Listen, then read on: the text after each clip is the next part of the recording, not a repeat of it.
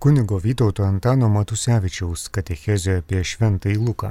Būkite palaiminti, mėly Marijos radio klausytojai. Šiandien kalbėsime apie Luką, kurio dieną švenčiame evangelistą paštalų Luką. Apie evangelisto Luką asmenį žinome nedaug. Svarbiausias ir brangiausias jo gyvenimo liudimas mus pasiekus Evangeliją ir jo plunksnai priskiriama kita Naujojo testamento knyga apaštalų darbai. Kiek pavyko sužinoti istorikams ir šventojo rašto tyrinėtojams, Lukas buvo iš pagonybės atsivertęs krikščionis, gydytojas ir apaštalo Pauliaus bendražykis. Kaip manoma, Luko Evangelija parašyta apie 80-uosius metus po Kristaus. Kadangi evangelistas Lukas pats buvo iš pagonybės atsivertęs krikščionis, taigi ir jo Evangelijos pasakojimas pirmiausia skirtas pagonių pasauliui.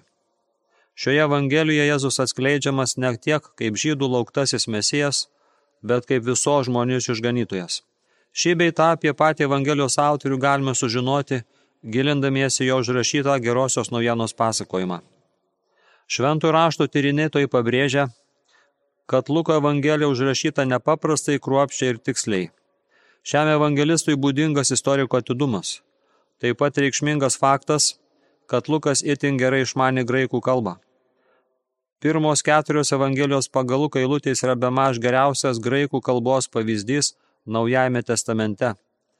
Daugelis jau yra mėginę išdėstyti raštų pasakojimą apie būsius pas mus įvykius, kai mums perdavė nuo pradžios savo akimis mačiusieji ir buvusieji žodžio tarnai. Taip pat ir aš, rūpestingai viską nuo pradžios ištyręs, nusprendžiau surašyti tau, garbingasis Teofili, sutvarkytą pasakojimą, kad įsitikintum tikrumu mokslo, kurios išmokytas. Atkreipkime dėmesį, jog Lukas pats nebuvo Evangelijo pasakojimų įvykių liudininkas, tačiau užrašė tai, ką perdavė nuo pradžios savo akimis mačiusiai ir buvusiai žodžio tarnai. Jis būdamas ištikimas apaštalo Pauliaus bendrakeleivis, pažinojo visus svarbiausius tuo metu bažnyčios asmenis – Taip pat reikšmingas faktas, kad Lukas du metus draugė su Pauliumi kalėjo Cezarėjoje. Tomis ilgomis nelaisvės dienomis jis turėjo galimybę klausytis Pauliaus liudimo, klausinėti ir patikslinti, ką supratęs. Galime numanyti, jog šią galimybę Lukas puikiai išnaudojo, o vėliau surinko ir kitų jėzų lydėjusių mokinių liudimus. Kaip jau minėta, Luko pasakojimas daugiau skirtas pagonių pasauliui. Teofilis, į kurį kreipėsi autorius Evangelijos pradžioje, buvo kilęs iš pagonių, kaip ir pats Lukas. Tikriausiai būtent dėl šios priežasties Evangelijoje pagal Luką nėra nieko, ko svetimtautis, tai yra nežydas, negalėtų perprasti ir suvokti. Skirtingai nuo evangelisto mato, Lukui nelabai įdomus Seno testamento pranašyščių įpildymas Jėzaus gyvenime. Jis iš viso labai retai cituoja senuosius pranašus. Dar vienas išskirtinis Evangelijos pagalka bruožas yra žydiškų žodžių pateikimas jų graikiškojo atitikmeniu. Lukui svarbu, kad gerai naujieną galėtų suprasti ir graikiškai kalbantieji. Taip Simonas kananietis tampa Simonu Oliuoju, Kalvarija vadinama nežydiškojo vardu Golgota, bet graikiškai kaukulė, nors abiem atvejais žodžio prasme yra ta pati - kaukolės vieta. Evangelistas Lukas niekada nevartoja žydiško termino rabi, bet visada Jėzų kreipiasi graikišku žodžiu mokytojų. Iškalbingas faktas, kad pasakojimą apie Jėzaus kilmę evangelistas Lukas pradeda ne nuo žydų patriarcho Bromo, kaip tai daro Matas, bet nuo Domo, viso žmonijos pirmtako. Tuo šis evangelistas dar kartą patvirtina, kad Dievas siuntė savo sūnų visai žmonijai, ne vien tik išrinktai tautai. Taip su mumis pasidalina Kauno karmelitų parapijos tinklalapis. Dabar keletą minčių skirkime apie pačią Evangeliją. Žinias perskaičiau tinklalapį Magnificat LT, o tas žinias pateikia brolis Mišelis iš Tiberiados bendruomenės. Taigi keletas Evangelijos pagal Luką bruožų.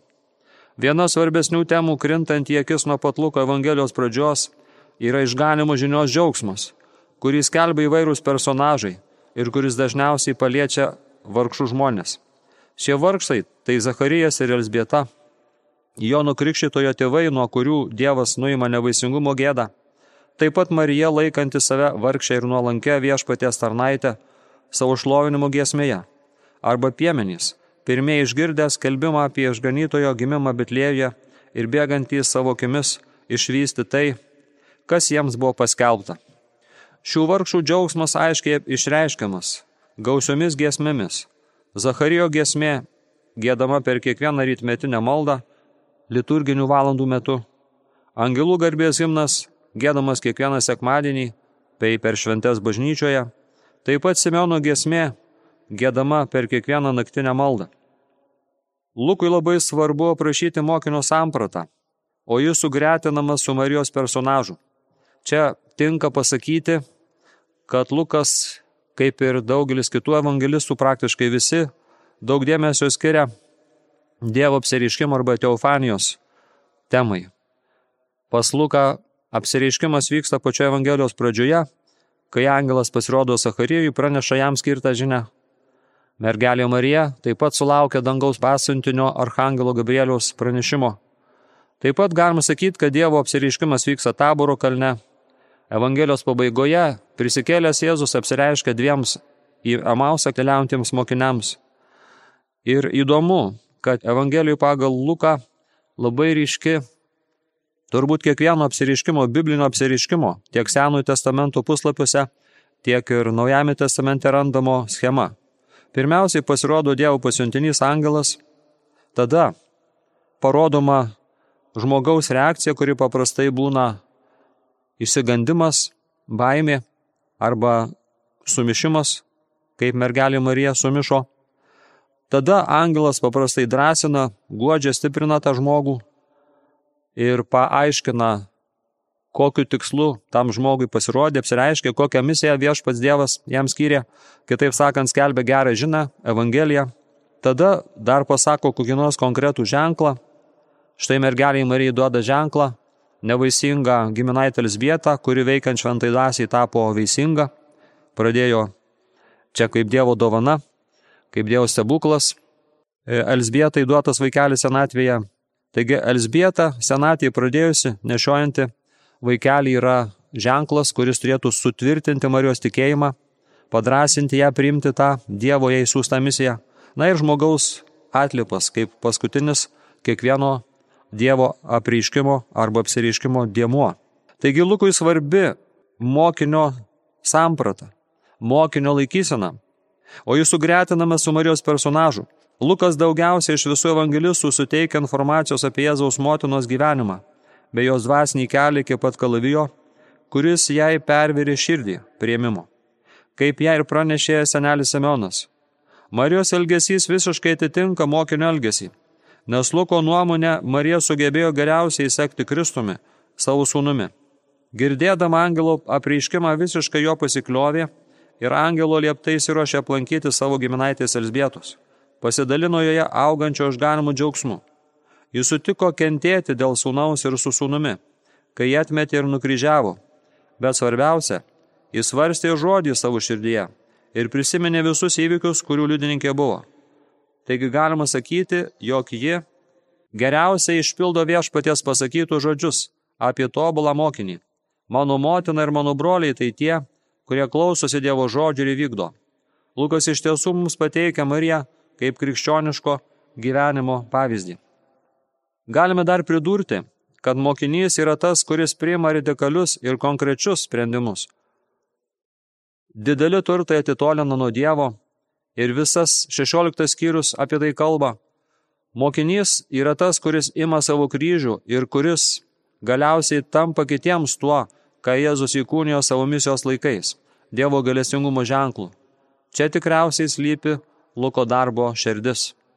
Gailestingumas tikriausiai ir yra Luko Evangelijoje labiausiai išryškintas Jėzaus asmenybės bruožas.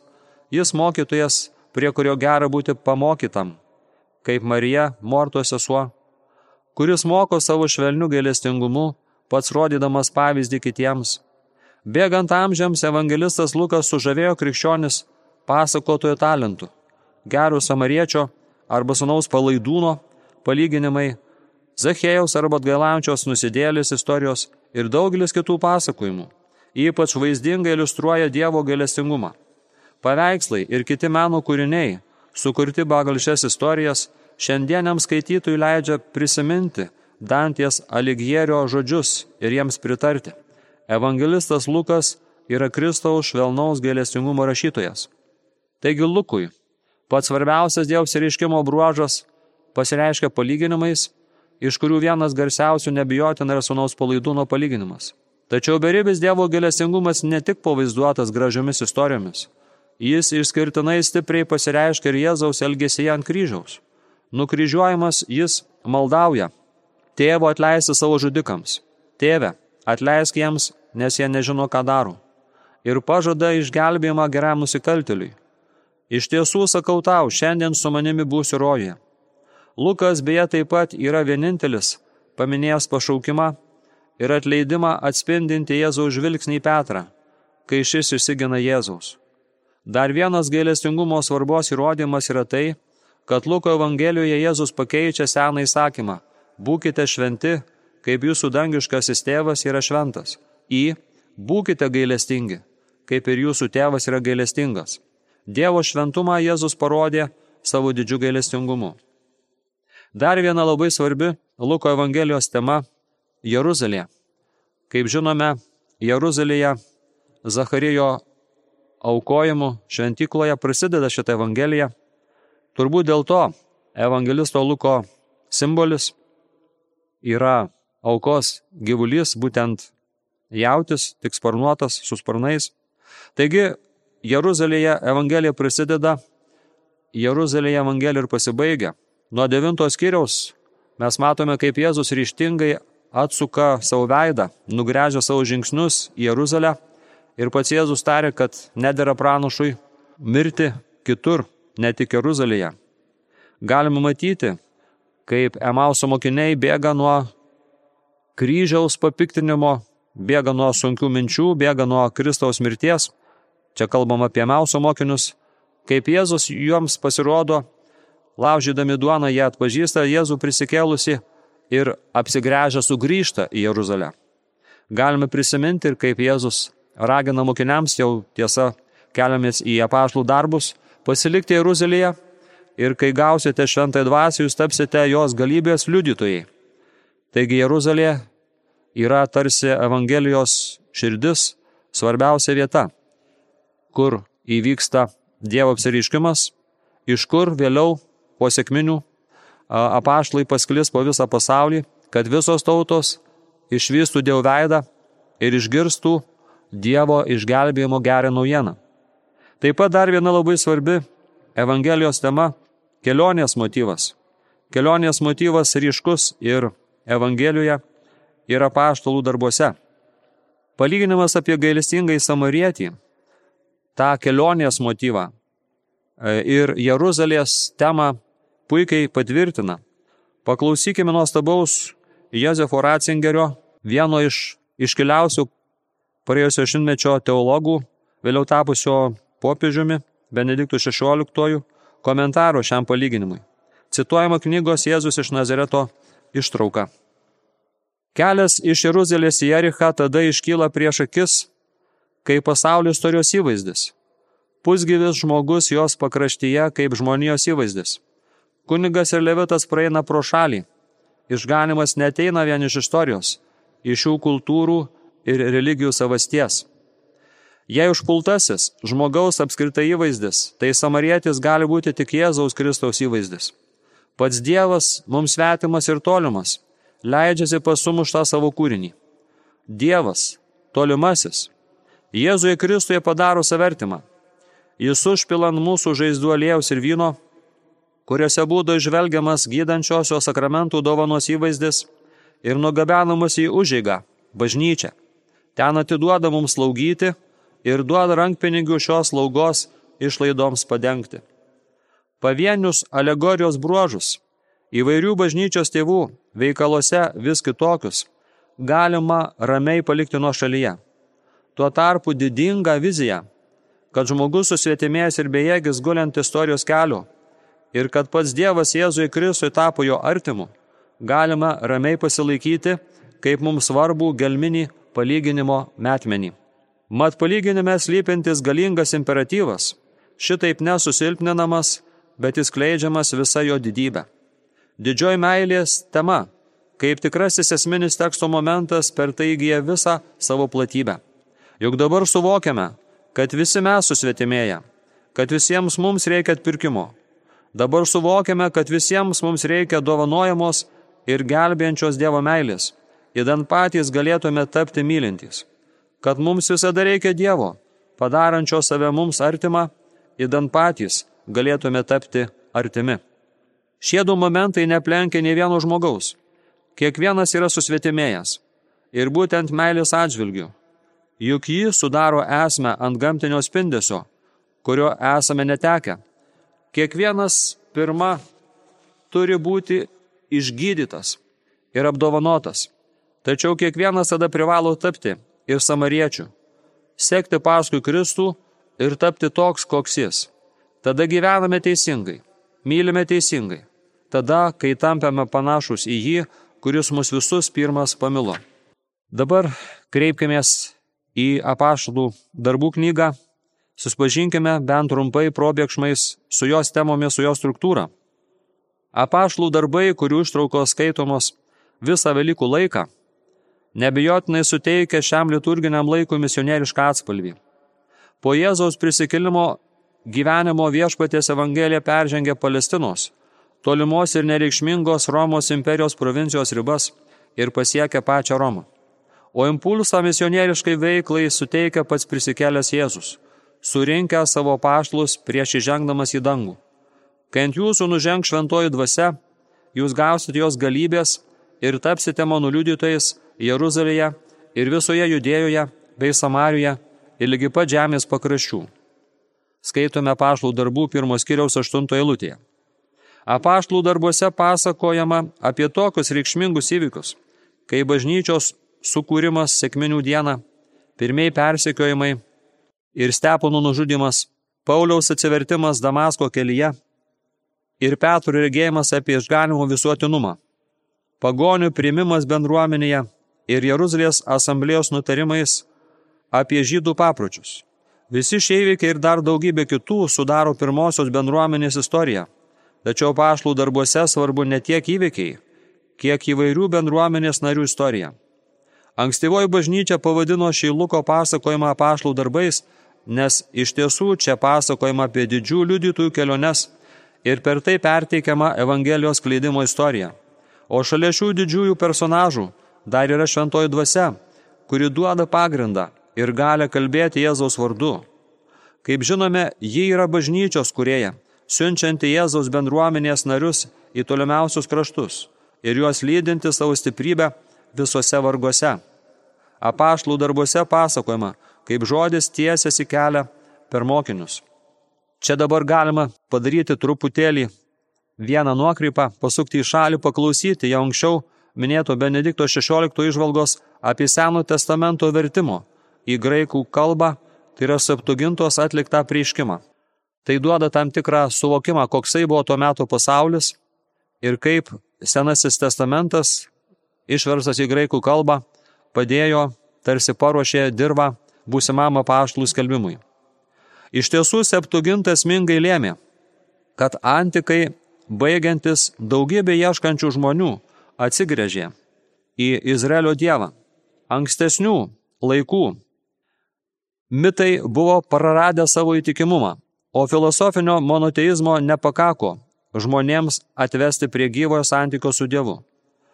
Tad nefilosofiškai, pramanytame, bet tikėjimo istoriją dovanotame Izraelio monoteizme, daug įsilavinusių žmonių dabar atrado naują artinimuose prie Dievo būdą. Daugelie miestų susidarydavo dievo baimingųjų, pamaldžiųjų pagonių sluoksnis.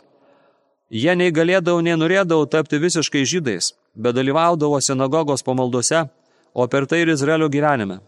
Šiuo sluoksniu pirmiausiai rėmėsi ir jame skleidėsi pirmųjų krikščionių misijų žinia. O dabar šie žmonės galėjo visiškai priklausyti Izraelio dievui, nes šis dievas, kaip skelbė Paulius, per Jėzų tikrai buvo tapęs visų žmonių dievu. Tikėdami Jėzų kaip Dievo sūnų, jie galėjo visiškai priklausyti Dievo tautai. Luko nuorodos apie 70 mokinių grupę šalia 12 apaštlų bendruomenės prasme aiški. Ji leidžia išryškėti Evangelijos, sumanytos visoms žemės tautoms visuotiniam pobūdžiai. Apaštlų darbų struktūra.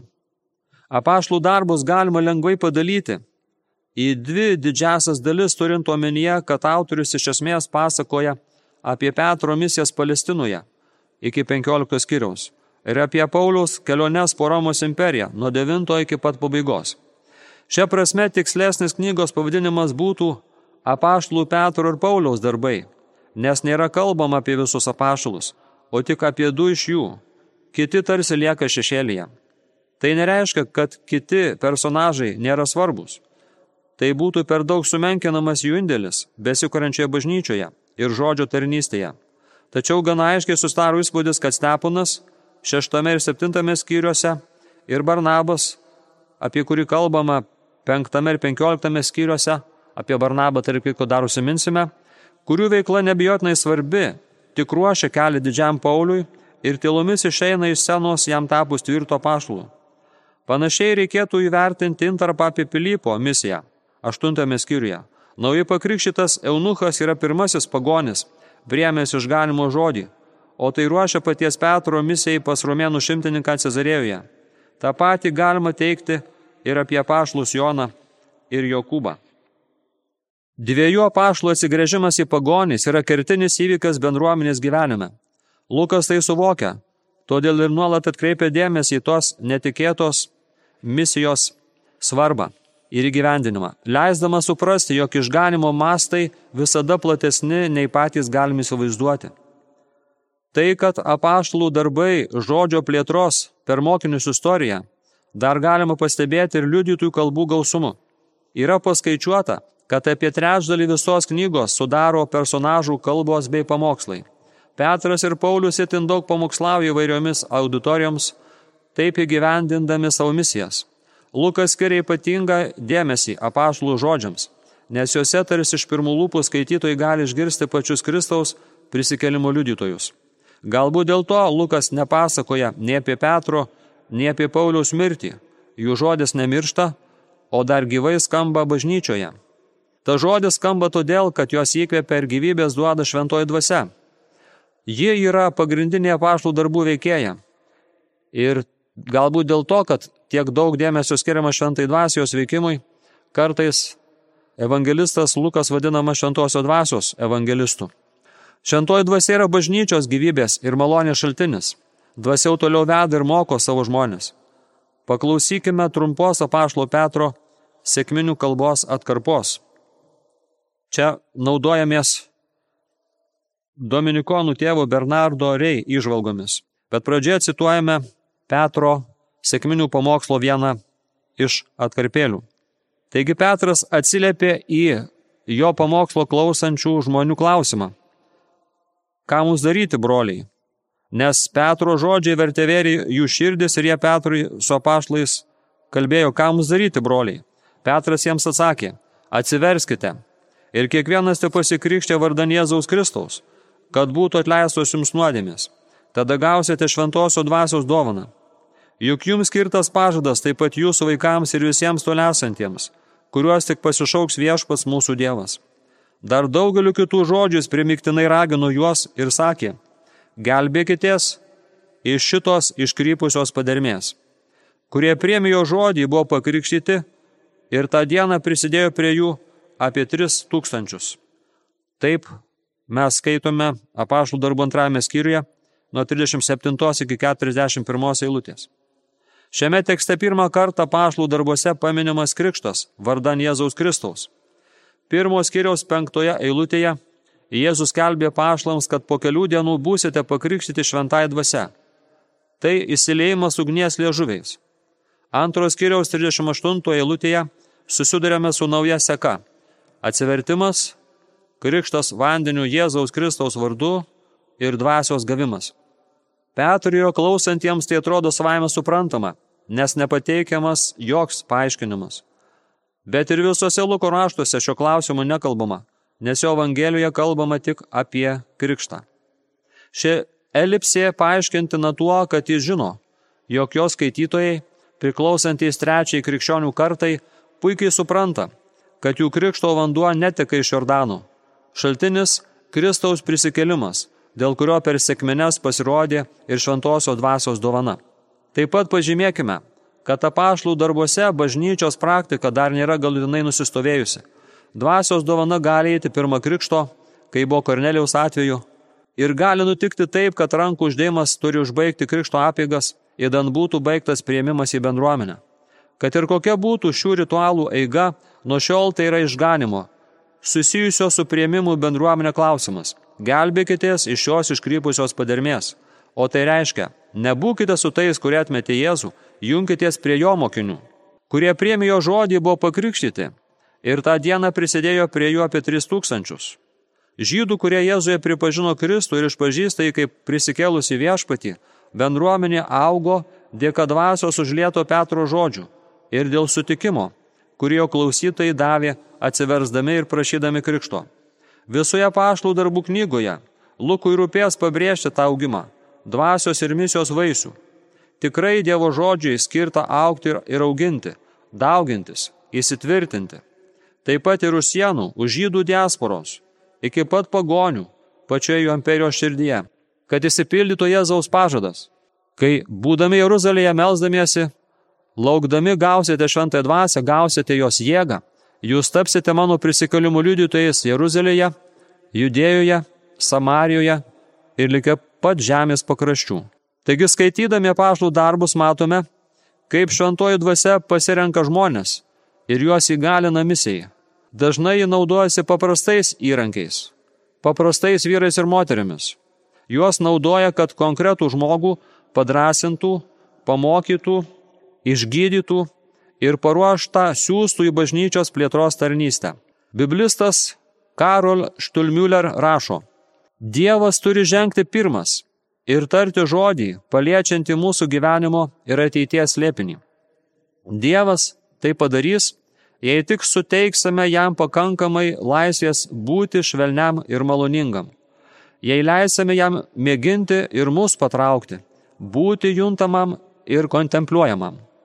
Šios savybės būdingos ir didžiam apaštlui Barnabui. Jis dar gyvas buvo paskelbtas šventuoju šiais apaštlų darbų žodžiais.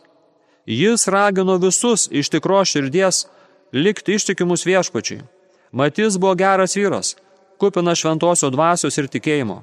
Kitoje vietoje Lukas paaiškina jo vardą, kuris reiškia paguodo sunus. Anksčiau Barnabas buvo vardu Juozapas, bet vėliau imtas vadinti Barnabu veikiausiai dėl savo gebėjimo ir aiškiai ir įkvėpiančiai skelbti Evangeliją. Nuo savęs norėčiau pridėti, kad turbūt ir dėl to, jog buvo labai dosnus, nes žinome, kad jisai pardavęs klypą pinigus sudėjo prie pašlų kojų ir aukojo visą save, visą savo gyvenimą, skleisdamas Jėzaus Evangeliją priskėlimų žinę iki žemės pakraščių.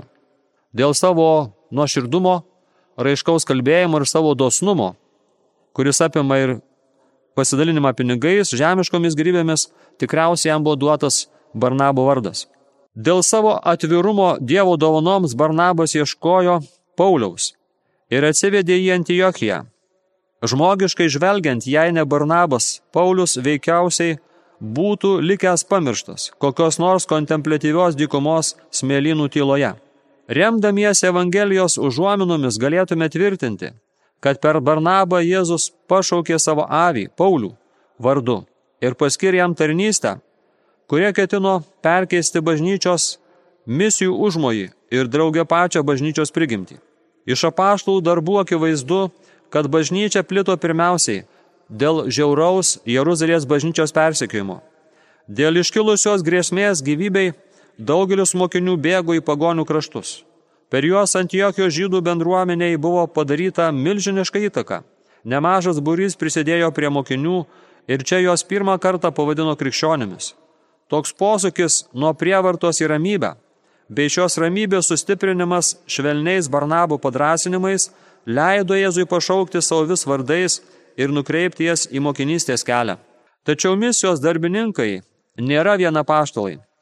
18 mūsų aptariamos knygos skyriuje kalbama apie sutuoktinius Priskilę ir Akvilą, kurie pagilina įsilavinusio Apolo žinias apie Jėzų viską nuodugniai išaiškindami. Apašlų darbai parodo, kad nežiūrint gabumų įsimokslinimo ir iškalbos, Apolas nebuvo pažengęs toliau, nei siekė jo nukrikščitojo mokslas. Žinoma, Apolas buvo kelyje mokinystę, bet to jis buvo itin geros valios žmogus. Tačiau vien geros valios negana. Dievo plane Apolui buvo numatyta įžengti Jėzaus liepinį per priskilės ir akvilo tarnystę. Atkreipkime dėmesį, kad žmonos vardas paminėtas pirmiau negu jos vyro. Tai kiek neįprastas anam metų reiškinys, pabrėžiantis svarbų šios moters vaidmenį bažnyčios tarnavime. Tokie tekstai padeda mums geriau įvertinti Pauliaus požiūrį į moteris bei į sutuoktinius kaip komandą bažnyčios apaštalavime. Ši sutuoktinių pora tarnavo ne tik kaip Efezo svečių sutikimo grupė. Jie buvo ir teologijos mokytojai, kad galėtų diskutuoti su tokiu įsilavinusiu aštraus proto žmogumi Apolu ir įstengtų palydėti į toliau neįsiekę žydų raštai ir jo nukrikščitojo mokymas, sutoktiniai privalėjo būti gerai pasirengę, galintys išvelgti skirtumus ir palaikyti pokalbį. O labiausiai jie turėjo būti atviri persmelkiančioms šventosios dvasios išvalgoms. Kad Apolas peržengtų savo žydų šventraščio supratimą ir ištikimybę Jonui Krikščitojui, jam buvo būtina pastudijuoti šventai raštą iš šalies. Reikės, kad jos malsus protas ir tiesos troškulys priverstų jį kaip jobą siekti daugiau nei žmogiškos paguodos ir pripažintos išminties. Tai, ką Apolo žinojo, jis žinojo ypač gerai, bet jis taip pat suvokė, kad jo troškimų įsipildymas pranoksta į patį reikalauja rizikuoti visų savo žinojimu. Jis privalėjo nedelsant atsiduoti į kurio rankas. Tikriausiai tą vakarą kalbėdamasis su priskilė ir akvilu, jis jautėsi kaip jobas. Dantyse nešiu savo kūną ir ant delno pasidėsiu gyvasti. Iš Jobo knygos 13 skiriaus 14 eilutės. Peržengdama žmogiškai pažinimą ir iškalbą, Apolas rizikavo savo saugumu, teologiniu nuoseklumu ir susitvardančio pamokslininko garbe. Dvasia būtų galėjusi įvesti Paulą Jėzaus slėpinį dykumos vienumoje arba jo kambarėlio slaptumoje. Tačiau šis slėpininga jo kelionė vyko lydint dviem vyresniesiems mokytojams ir dvasios vadovams priskėlė ir akvilui. Dvasia ateina žmonėms dalintis ją vieną su kitu.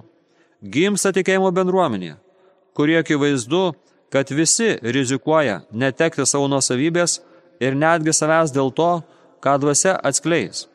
Efezo bažnyčia šventoji dvasia buvo suteikta Dievo tarnuje Polui, rašo Karolis Štulmülleris Biblijos meditacijų knygoje.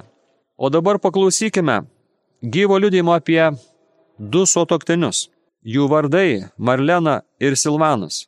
Taigi šių sutoktinių liudėjimas. Tai parodo, kad Dievo dvasia veikia kiekvieno iš mūsų gyvenime. Jai reikia kiekvieno mūsų indėlio. Kiekvienas žmogus yra reikšmingas ir nepakeičiamas išganimo istorijos kelionėje. Marlena ir Silvano pasakoja, kai susituokėme, norėjome būti visus priimanti šeima. Viena iš pirmųjų mūsų patirčių yra iš prieš kalėdinio laiko. Nenorėdami, kad kalėdiniai sveikinimai būtų paskobomis išsakyti prie bažnyčios, sugalvojame patys nueiti pas kaimynus su maža dovanėlė. Visi buvo nustebinti ir laimingi, ypač viena šeima, kurios daugelis vengia. Jie atvėrė mums širdis, papasakodami apie savo sunkumus ir apie tai, kad daug metų niekas nebuvo atėjęs į jų namus. Apsilankimas pas juos užtruko daugiau nei dvi valandas. Buvome sujaudinti, matydami tų žmonių džiaugsmą. Taip pamažu, būdami atviri su visais, užmesgėme santykius su daugeliu žmonių. Ne visada buvo lengva, nes kartais netikėtais apsilankimas keisdavo mūsų planus, tačiau visada buvo aišku, jog negalime prarasti šių broliškų ryšių. Vieną kartą mums padovanojo tortą, kurį sumanėme pasidalinti su ponė, padėjusią mums ieškoti žaislų Brazilijai. Tai ją nudžiugino, o mums buvo proga susipažinti su jo šeima. Ji mums pasakė, o kad ir aš turėčiau drąsos eiti, aplankyti kitų. Norėtųsi, kad kiekvienas iš mūsų turėtume tokią nuostatą, tokį troškimą, o kad ir aš turėčiau drąsos eiti aplankyti kitų. Turbūt tai yra gražiausia išvada iš to, ką mes girdime Evangelijai pagal Luką ir apaštlų darbuose. Priimti šventąją dvasę, būti jos perkeistiems, būti jos pripildytiems, gauti jos liežuvius, kad galėtume prabilti, kaip dvasia mus įkvėps ir skleisti Evangeliją ten, kur viešpats Dievas mus pasiūs. Toks yra mūsų pašaukimas.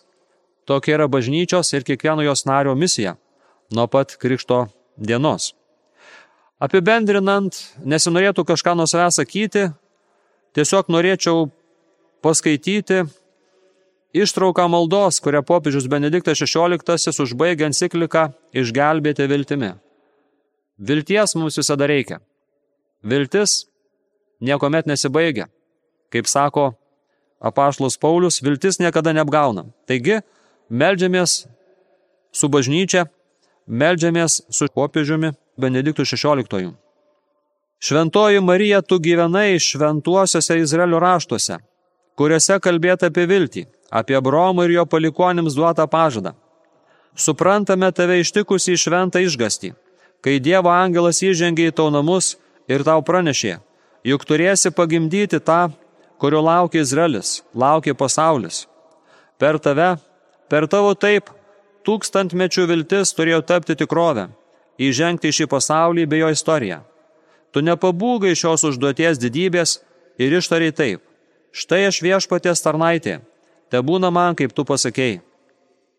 Nepaisant Jėzaus pradinės veiklos didybės bei sukelto džiaugsmo, tau jau Nazareto sinagogoje teko patirti žodžių apie prieštaravimo ženklą tiesą. Tu išgyvenai didėjančią priešiškumo, bei atmetimo galę, vis labiau besitvengusi apie Jėzų bei virtusią kryžiaus valandą, kai pasaulio gelbėtoje, Dovido įpėdinį, Dievo sūnų turėjo išvysti mirštantį tarp nusikaltelių, kaip nesėkmės ištiktai bei pajukai įstatytai. Tu išgirdai žodžius, moterie, štai tavo sūnus. Nuo kryžiaus gavai naują misiją. Kryžiaus dėka naujai tapai motina visų, kurie tiki į tavo sūnų Jėzų ir nori juo sekti motina. Skausmo kalavijas pervėrė tau širdį. Ar numirė viltis? Ar pasaulis galutinai tapo be šviesos, gyvenimas be tikslo? Ne. Prie kryžiaus tu, vadovaudamas Jėzaus žodžiais, tapai tikinčių motina. Kupina šio tikėjimo, kuris nedidžio penktadienio tamsybėje darė viltį tikrą, tu sulaukė Velykų ryto. Prisikelimo džiaugsmas palėtėjo tavo širdį ir dabar iš naujo suvedė tave su mokiniais, turėjusiais tapti Jėzaus šeima per tikėjimą. Tu buvai tarp tikinčiųjų, Jėzui žengus į dangų vieningai meldusių dovanoti šventąją dvasę ir gavusių ją sėkminių dieną. Jėzaus karaliavimas buvo kitoks, negu įsivaizdavo žmonės. Jis prasidėjo tą valandą ir šiam karaliavimui nebus galo. Tu pasilieki tarp mokinių kaip jų motina, kaip vilties motina. Šventoji Marija, Dievo motina, mūsų motina, pamokyk mus kartu su tavimi tikėti viltis, mylėti. Parodyk mums kelią į jo karalystę. Jūro žvaigždė šviesk mums ir vesk mus mūsų kelyje. Girdėjote kunigo Vytauto Antano Matusevičiaus katechezio apie šventąjį Luką.